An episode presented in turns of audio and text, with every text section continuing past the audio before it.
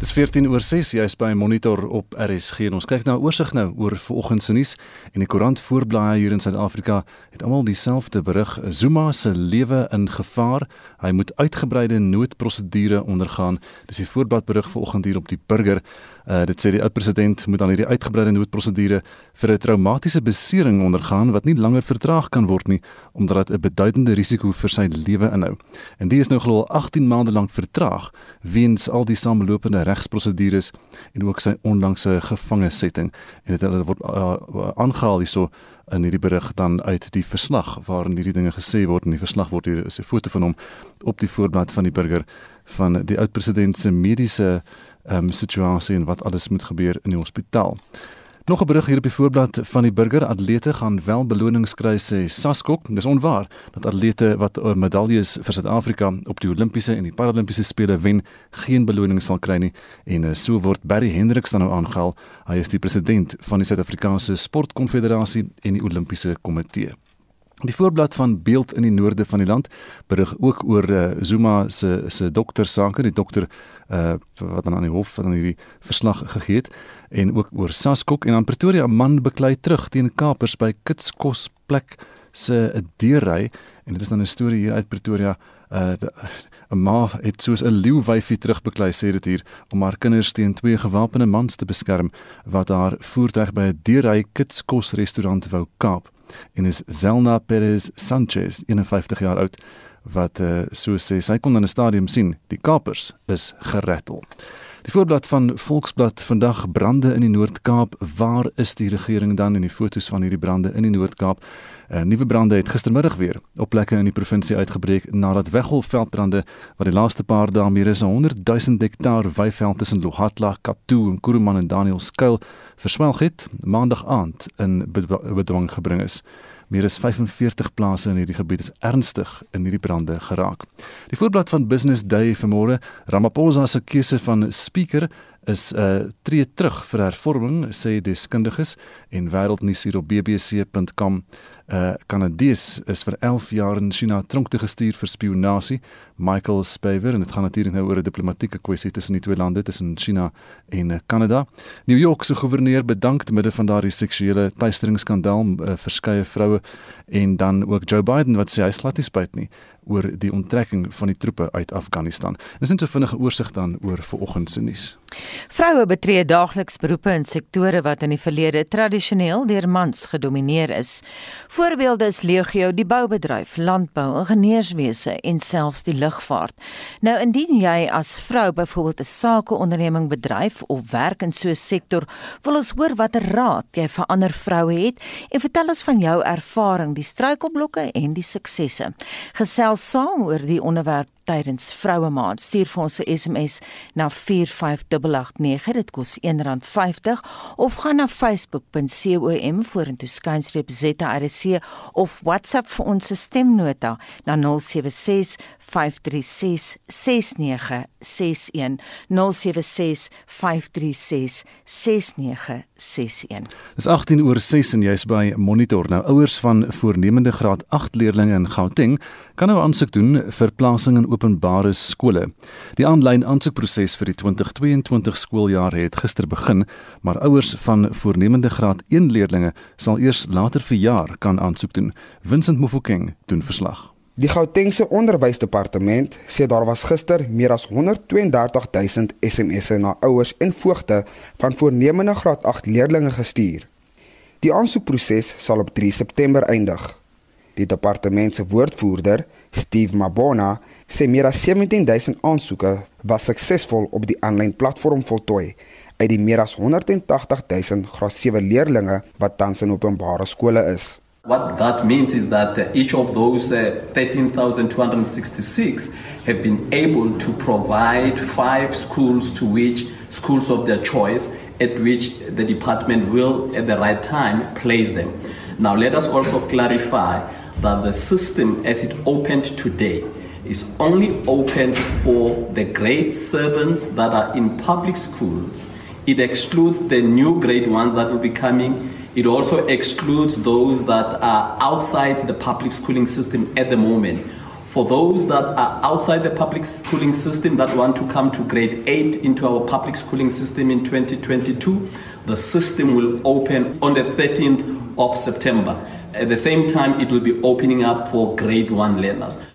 Mabona sê hulle het verskeie klagtes oor die stelsel van ouers ontvang en is besig om dit reg te stel. And we have experienced some glitches, not too many at the beginning.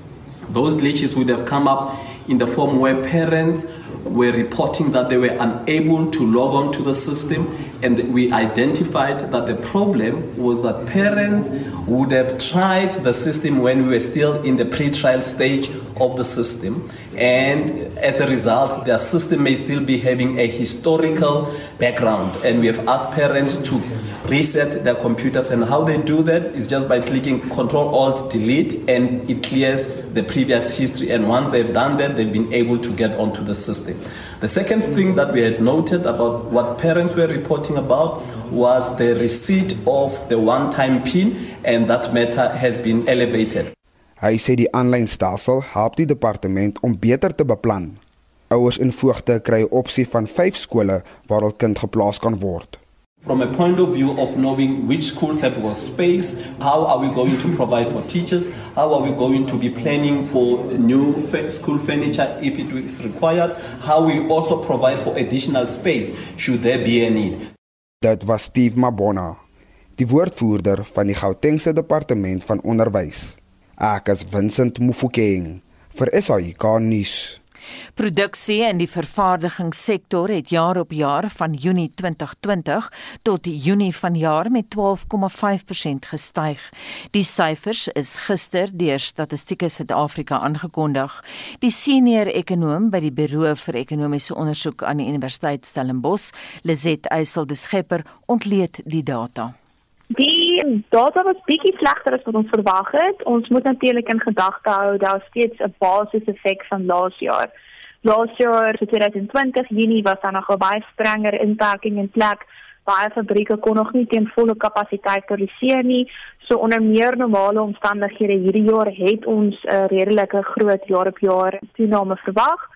Wat die mees teleurstellend was, is as jy kyk na die maand op maand produksie. So as ons kyk vir Junie vergelyking met Mei, het produksie selfs 'n bietjie afgeneem met 0.7%. Wat was die positiewe drywers? Op 'n jaar-op-jaar basis het eintlik al die groot sektore gegroei.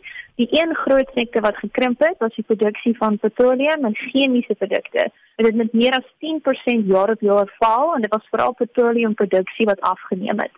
Ons weet van Suid-Afrika se raffinaderye is op was en is nog steeds gesluit wat waarskynlik dit veroorsaak het. En die negatiewe drywers? Aan die negatiewe kant is dit veral die maand-op-maand produksie in die algemeen wat afgeneem het wat ook ongelukkig beteken dat in die hele tweede kwartaal was produksie ook laer as die eerste kwartaal wat natuurlik nie goed is vir BBP groei nie. So wat is julle verwagtinge vir die toekoms? Ons weet dat hierdie basiseffek gaan nou elke maand bietjie minder word, soos die inperking vir hierdie jaar elke keer bietjie minder streng geword het einde Junie hierdie jaar het ons natuurlik 'n strenger inperking gesien wat vir al maatskappye met sterk skakels vir die alkoholvervaardiging en die gasvryheidsbedryf negatief sal beïnvloed. Ons weet Julie ook die protesaksie en die onrus sal natuurlik ook tydelik vervaardigingsproduksie negatief affekteer. So Julie behoort 'n redelik slegte maand te wees, maar hopelik van Augustus af kan dinge weer bietjie beter lyk. En daai insette van Lizet Eysel de Schepper, 'n senior ekonom by die Buro vir Ekonomiese Onderzoek aan die Universiteit Stellenbosch en sy het met Mitsi van der Merwe gepraat. Dis nou 23 minute oor 6. Die Suid-Afrikaanse Sportkonfederasie en Olimpiese Komitee sê atlete wat medaljes by die Olimpiese spele in Tokio in Japan gewen het, sal beloon word. Dieselfde sal geld vir die Paralimpiese spele. Saskok onderhandel steeds met vennote oor die geldelike belonings wat aan die spelers gegee gaan word en Vincent Mofokeng het meer. Die president van Saskok, Barry Hendricks, sê hy steeds trots op die atlete wat aan vanjaar se Olimpiese spele deelgeneem het. The fact that our athletes have beaten have qualified through the selection process means that they are competing against the world's best. They are the best in South Africa. And by virtue of that, they were able to go to the Olympics. Hendrik sê berigte dat die beheerliggaam nie Tatjana Skoenmaker en Bianca Buitendag sal beloon nie, verkeerdelik is. Hy beweer dat die sportliggaam nie wou hê dat die kwessie van finansiële vergoeding atlete moes aflei van hul prestasies by die spele nie. We are committed to providing performance incentives as we've done in the past. Now, SESCOP doesn't provide these incentives. These incentives are provided through our partners, either sponsors, either the National Lottery, or through the department or the ministry. And I'm pleased to say that we are committed, ourselves and the department and the ministry, to provide these incentives. And we're busy looking at the detail of that. We can't commit in terms of figures and numbers just yet because the Paralympics hasn't started yet, and we don't know what the detail of that is. Because we're not only going to give incentives to the Olympians and coaches, but it's the Paralympians and their coaches as well. Hendriks voeg by dat Paralimpiese atlete dieselfde vergoeding as die Olimpiese atlete sal ontvang. And we believe firmly in equality. The same amount that's going to be spent on athletes for gold, silver, and bronze, and their coaches must be the same for the Paralympians and their coaches. Saskok verwag dat die Suid-Afrikaanse Paralimpiese span meer medaljes as die Olimpiese span sal verower. My policy is very clear. I'm not going to pressurize our Paralympians to say this person must get gold or this person must get silver. We will allow them, based on the fact that they have now been selected to go and perform to the best of our ability without pressurizing them and let them get the job done. Hendrik sê hulle moedig hulle atlete steeds aan om op die hoogste vlak te presteer en dat die Suid-Afrikaanse span nie misluk het nie. I find it quite difficult to understand why people put so much pressure on our athletes who have gone there to carry our flag. Uh, if this was in a school sport environment or a family environment and the athlete does not perform as good as he or she wanted to, the parent or the teacher will not say that the or the coach will not say that they have failed. They will encourage those athletes to perform again.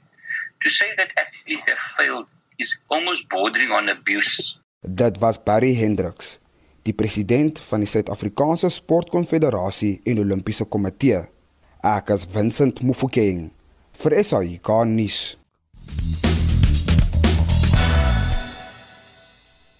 Is dit wat sê ons susters? Ehm um, Anita Lizet Prozeski laat weet vir ons ek is in die staalbedryf en vroue in hierdie bedryf is eisters en vreugdevol so. Jy met jou produk, sy vermoë en jou kliëntebasis ken. Mense wat staalprodukte koop, weet wat hulle wil hê en jy kan hulle nie gou met 'n bemarkingsfoefie ooreed nie. Behou jou vroulikheid. Hier ding jy nie mee met mans soos in die korporatiewe wêreld nie. Jy staan jou plek vol met waardigheid en jy weet waarvan jy praat. In die vergadering is jy nie die een wat tee skink nie, maar die een wat die strategiese beplanning lei, anders word jy gou uitgewerk. In die staalbedryf vervul jy 'n belangrike rol en word gerespekteer respekteer daarvoor. Respekteer dus jou verskaffers, jou kliënte en jou mededingers. Daar is plek vir almal. En Johanna Skol skryf vir ons: Ek is in die 50's gebore en het 3 broers en daar was nooit in ons huis 'n ding van seunswerk of meisiewerk nie. My ma het ons geleer daar is net werk en almal in die gesin moet dit doen. Ek self het my vollag gediens, gras gesny, ligte ingesit, en krane vervang. Ek doen nog al my huiswerk, maar ek stryk nie. Ek was my hele lewe lank in die IT bedryf. Enige iemand kan doen wat hy of sy wil, maar jy moet dit altyd doen na die beste van jou vermoë. En dan die bester laat weet vir ons vroue moet veilig en gemaklik in hulle eie vel voel. Moenie probeer om te kompeteer met 'n manlike kollega nie. As jy 'n boer wil wees, doen dit. Maar daar is sekere dinge wat 'n man beter kan doen. Erken dit en leef daarmee saam. Ons is, ons is geskape om mekaar te ondersteun en nie af te breek nie. Ons moet mekaar aanvul en dit is wat 'n goeie span maak. Ons wil vanoggend by vroue weet wat in 'n uh, in beroepe werk in sektore wat in die verlede tradisioneel deur mans gedomeineer is. En ons praat nou hier van sektore soos die boubedryf, landbou, ingenieurswese en selfs die lugvaart of een van daardie soort sektore. En as jy 'n vrou is wat in een van daai sektore werk, laat weet vir ons wat is jou raad aan ander uh, aan ander vroue wat in daai sektore werk en jou ervaring. Stuur vir ons 'n SMS na 45889 teen R1.50 per SMS. Deel jou mening op ons Monitor en Spectrum Facebookblad of WhatsApp vir ons stemnota na 076 536 6961. Dis 23 minute voor 7 jy's by Monitor op RSG. Nou bykomende wetstoepassers is in Delft op die Kaapse vlakte ontplooi om met polisieering daar te help. Die beamptes gaan 24 uur patrollies saam met buurtwagte in die gemeenskap doen. Kobben August doen verslag. Die Kaapstad Metro sê die bykomende wetstoepassingsbeamptes wat in Delft op die Kaapse vlakte ontplooi is, sal help om misdaad te bekamp. Bykomende offisiere sal operasies saam met die Delft woonbuurtwagte doen om die gemeenskap veilig te hou. Die burgemeesterskomitee lid vir veiligheid en sekuriteit, JP Smith, sê die beampte sal ook die stad se infrastruktuur beskerm. Leap ouens het hierdie laaste maand 65 arrestasies net hier in Delft gemaak addisioneel. As jy daai sit bo al klaar oorlaaide speeders, dan gaan dit erns. Dit is belangrik dat ons al die kapasiteit toevoeg.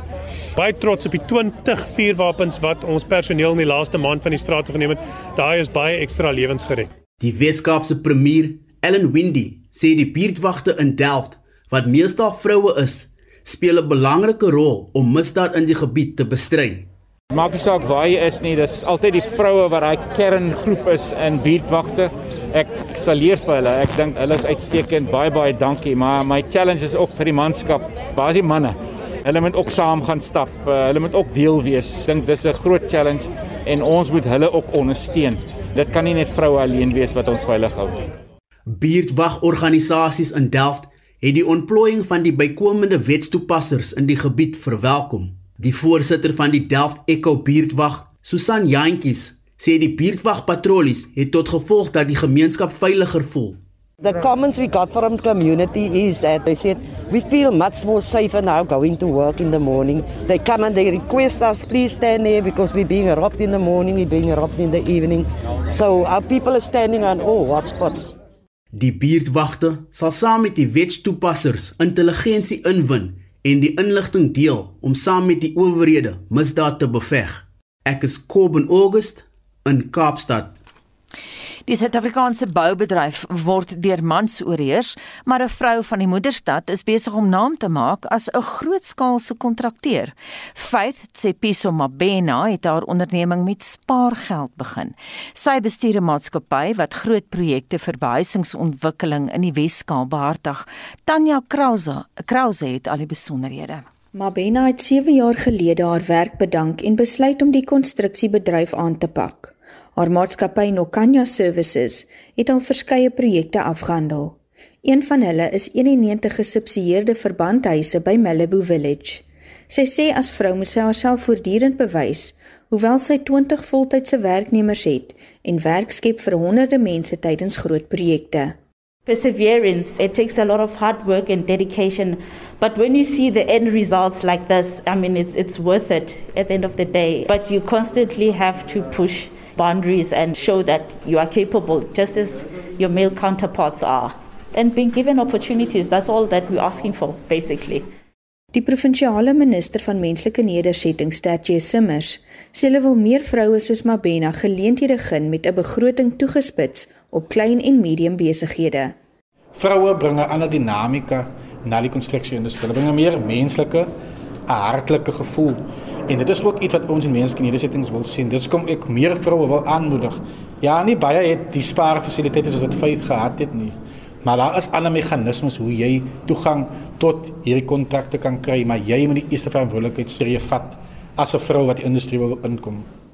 Mabena moedig ander vroue aan om vas te byt en te onthou hoekom hulle so bedryf uit die staanspoor betree. When we finished with our the first project that we did, a lady came crying afterwards. You know, I thought, oh, maybe we probably messed up or something like that. But she was just so happy, like after a couple of years not having a place to stay. And she said, You know, you've changed my life. And I realized that this is actually a life changing experience for a lot of people. And I thought this is what we are called for, you know, to make a difference in people's lives. And that's what has kept me. Op 42 het Mabena groot drome. Sy bou tans 'n 417 eenheid behuisingsontwikkeling en wil hoop bring een baksteen op 'n slag. Hierdie verslag is saamgestel deur Mariska Botha in Kaapstad. Ek is Tanya Krause op George.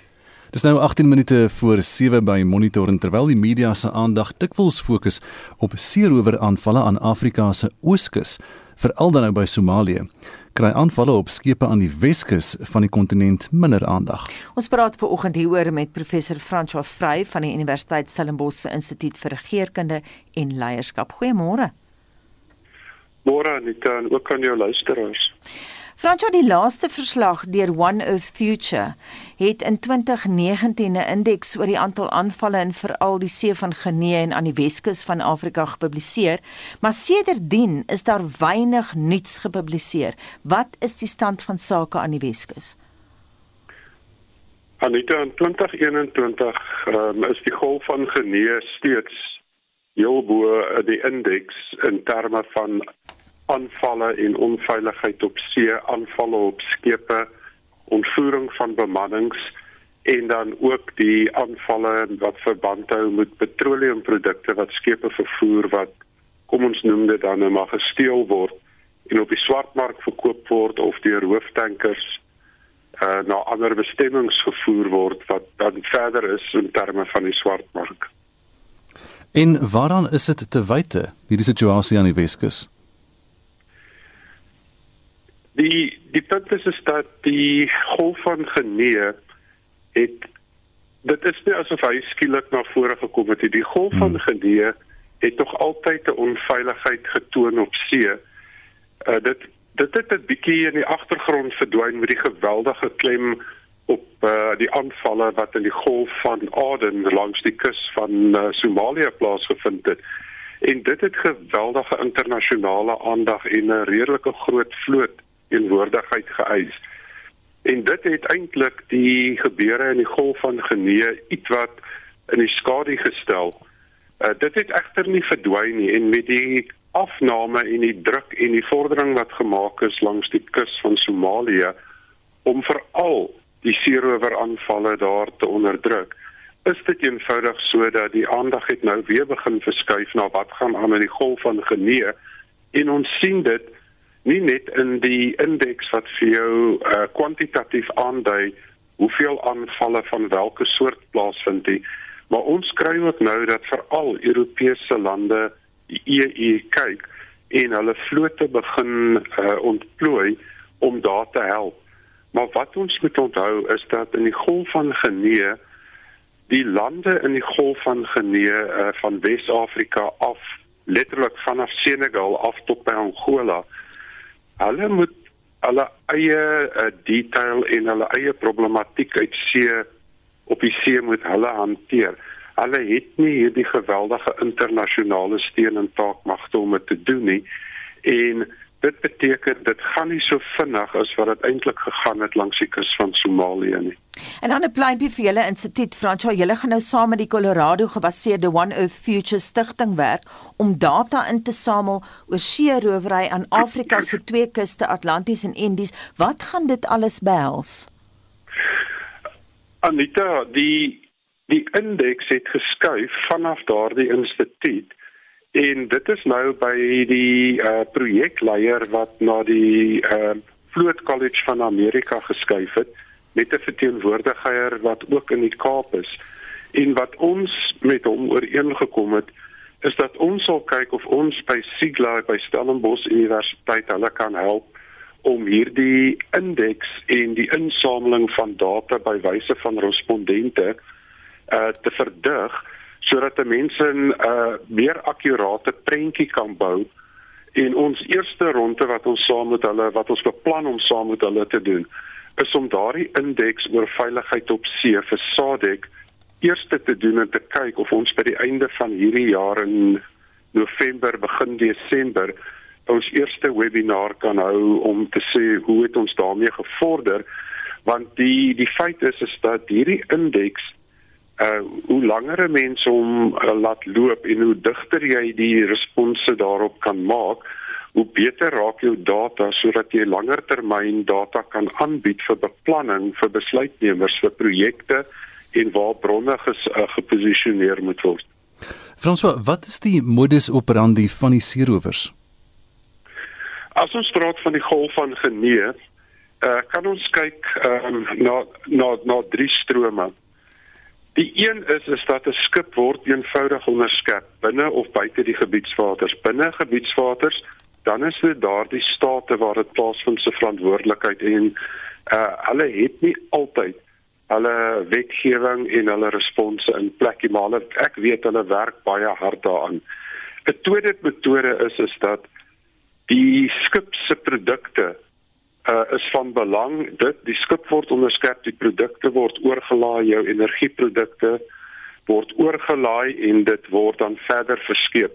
Die derde een is uh, wat tans werklik problematies is is dat bemannings word gijslaar geneem hulle word van die skepe afgeneem en hulle word aan land in moeilike terrein byvoorbeeld in die Niger Delta terrein word hulle ingeneem aangehou totdat die onderhandelinge vir hulle vrylating met 'n losprys of met ander toegewings uh, bewerkstellig word. Daardie laaste deel is egter nie altyd baie bekend nie want uh, partye of dit state of dit oliemaatskappye, multinasjonale maatskappye is of selfs skeepsrederye is nie genee om te sê hoe hulle die vrylating van daardie bemannings bewerkstellig het nie.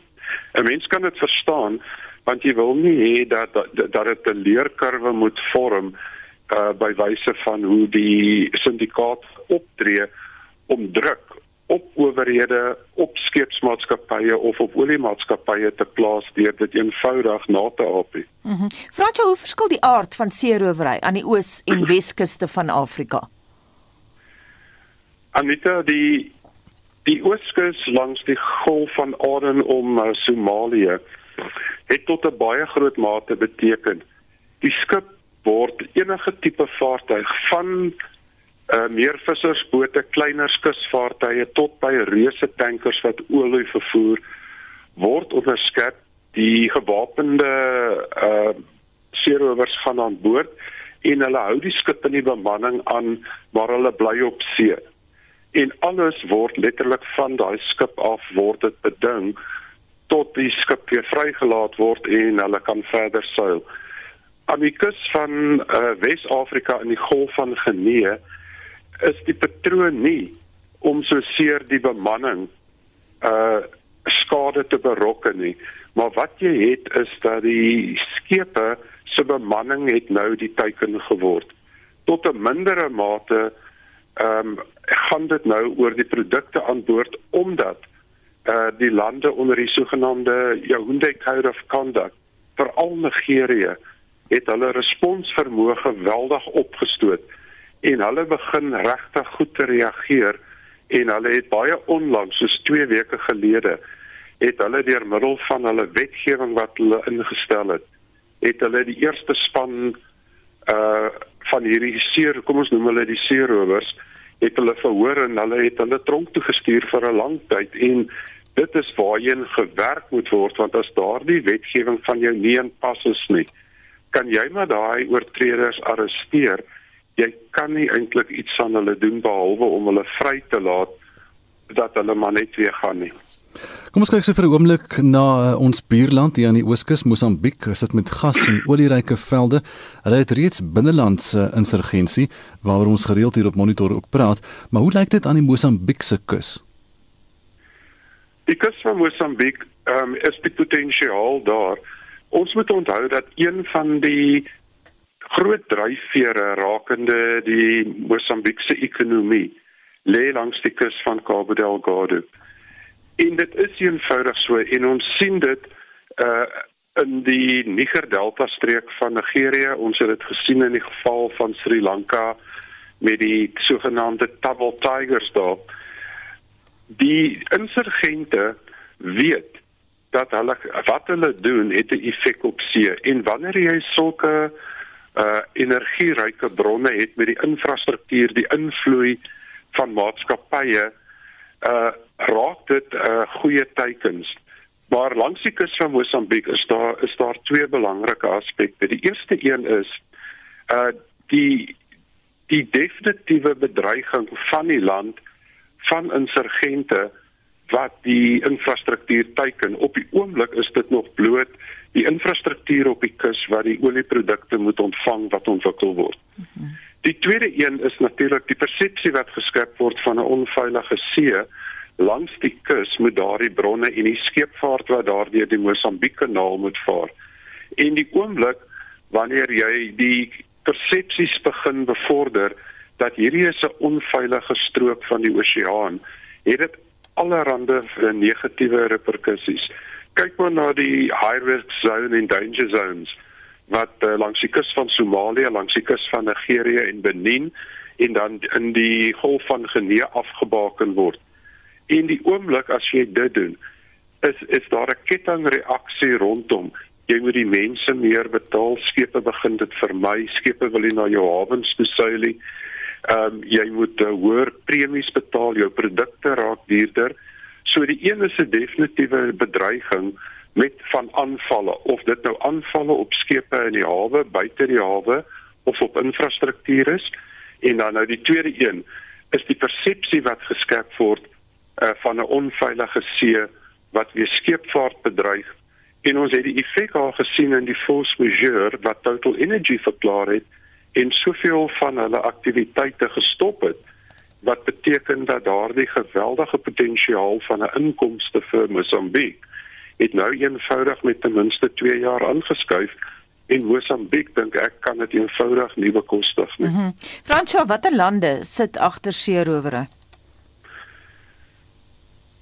Anita, dit is 'n is 'n bitter moeilike vraag. Ek weet dat daar is 'n indiepte projek gedoen om dit te ondersoek wat by die vanaf uh, die die kant van die van die, van die Britse navorsingsentiteit gedoen is. En hulle het baie meer daarmee gesukkel. En hulle het maar sekere aanduiders gegee.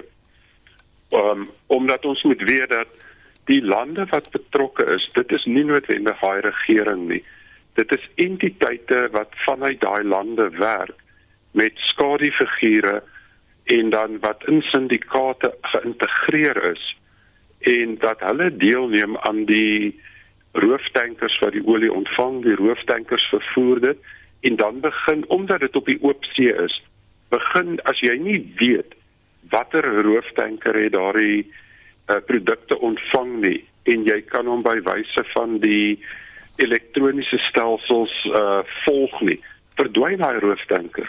Hmm. As hy sy stelsels afskakel, is hy weg.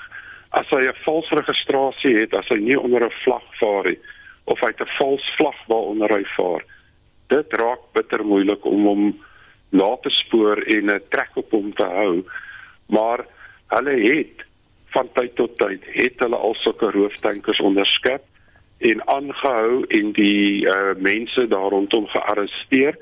Maar daai tankers was byvoorbeeld gevang en dat die die terugspoor van nou wiese rooftanker is hierdie mm. het teruggegaan byvoorbeeld na senior mense toe in lande soos Nigerië maar ek moet sê die Nigeriese owerhede doen regtig baie op die oomblik om hierdie probleem te onderdruk wat hulle kan nie bekostig dat hulle ekonomie die skade ly wat al beraam is omdat hulle nie hierdie uh optredes onder beheer kry nie En ek wil graag vir die luisteraars sê, gaan kyk bietjie na die Yaoundé Code van of Conduct vir die hol van Genee om te sien hoe werk hulle met hulle zones en wie is vir wat verantwoordelik om te probeer om hierdie problematiek onder beheer te kry saam met uh, internasionale samewerking en internasionale oefeninge en steun en byvoorbeeld die feit dat 'n uh, maatskappy in Suid-Afrika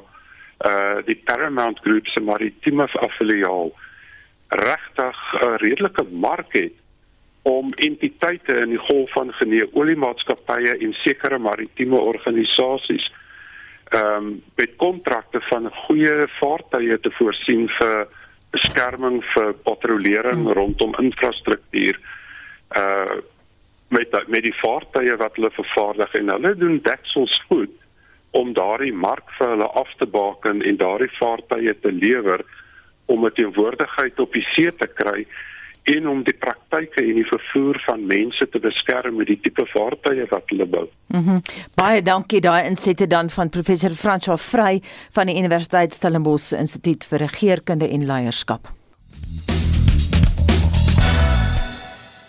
Ons praat veraloggend oor vroue wat hulle in tradisionele mansberoepe bevind. Essie, ons het nou gepraat oor ingenieurs en mense in die boubedryf, maar ek onthou nou, ons het op monitor seker so 3 jaar gelede, dit was voor Covid gewees, het ons die hoof van ingenieurswese by Tikkies in die ateljee gehad en sy was 'n vrou en ek was al so beïndruk want uh, daar was weet normaalweg toe ons op Tikkies was en geswat het, was daar nie vroue wat ingenieurswese studeer het nie. Ja, Anita hier's 'n vrou wat vir ons skryf, Helena wat vir ons skryf, ek werk in die boubedryf, die enigste vrou tussen sewe mans in my span. Ek doen administrasie en sorteer gereedskap uit en maak dit reg as dit stikkend terugkom. As daar gegrawe moet word, moet ek inspring. Daar is baie dae wat hulle geïntimideerd voel deur my want ek ken elke gereedskapsmiddel tot by die kleinste skroefie. Maar as dit by 'n werksbraai kom, is hulle baie dankbaar vir my want ek berei alles voor. Ek is mal oor my werk en sal dit vir niks in die wêreld verruil nie. Laat weet ook asseblief vir ons as jy as man in byvoorbeeld jou onderneming wat jy doen in daai onderneming om vroue te bemagtig of hoe dit vir jou is as jy saam met vroue in hierdie soort beroepe werk en daar's reeds manne wat van hulle laat hoor en Rex Bester sê ek kan nie namens die vroue ehm um, hierdie vraag beantwoord nie, maar al wat ek kan sê is go for it girl. Vroue het oor die afgelope jare bewys hulle is mans genoeg om hulle self as bekwam en produktief te bewys op die terrein van verskillende uiteenlopende beroepe. Veels geluk en voorspoed.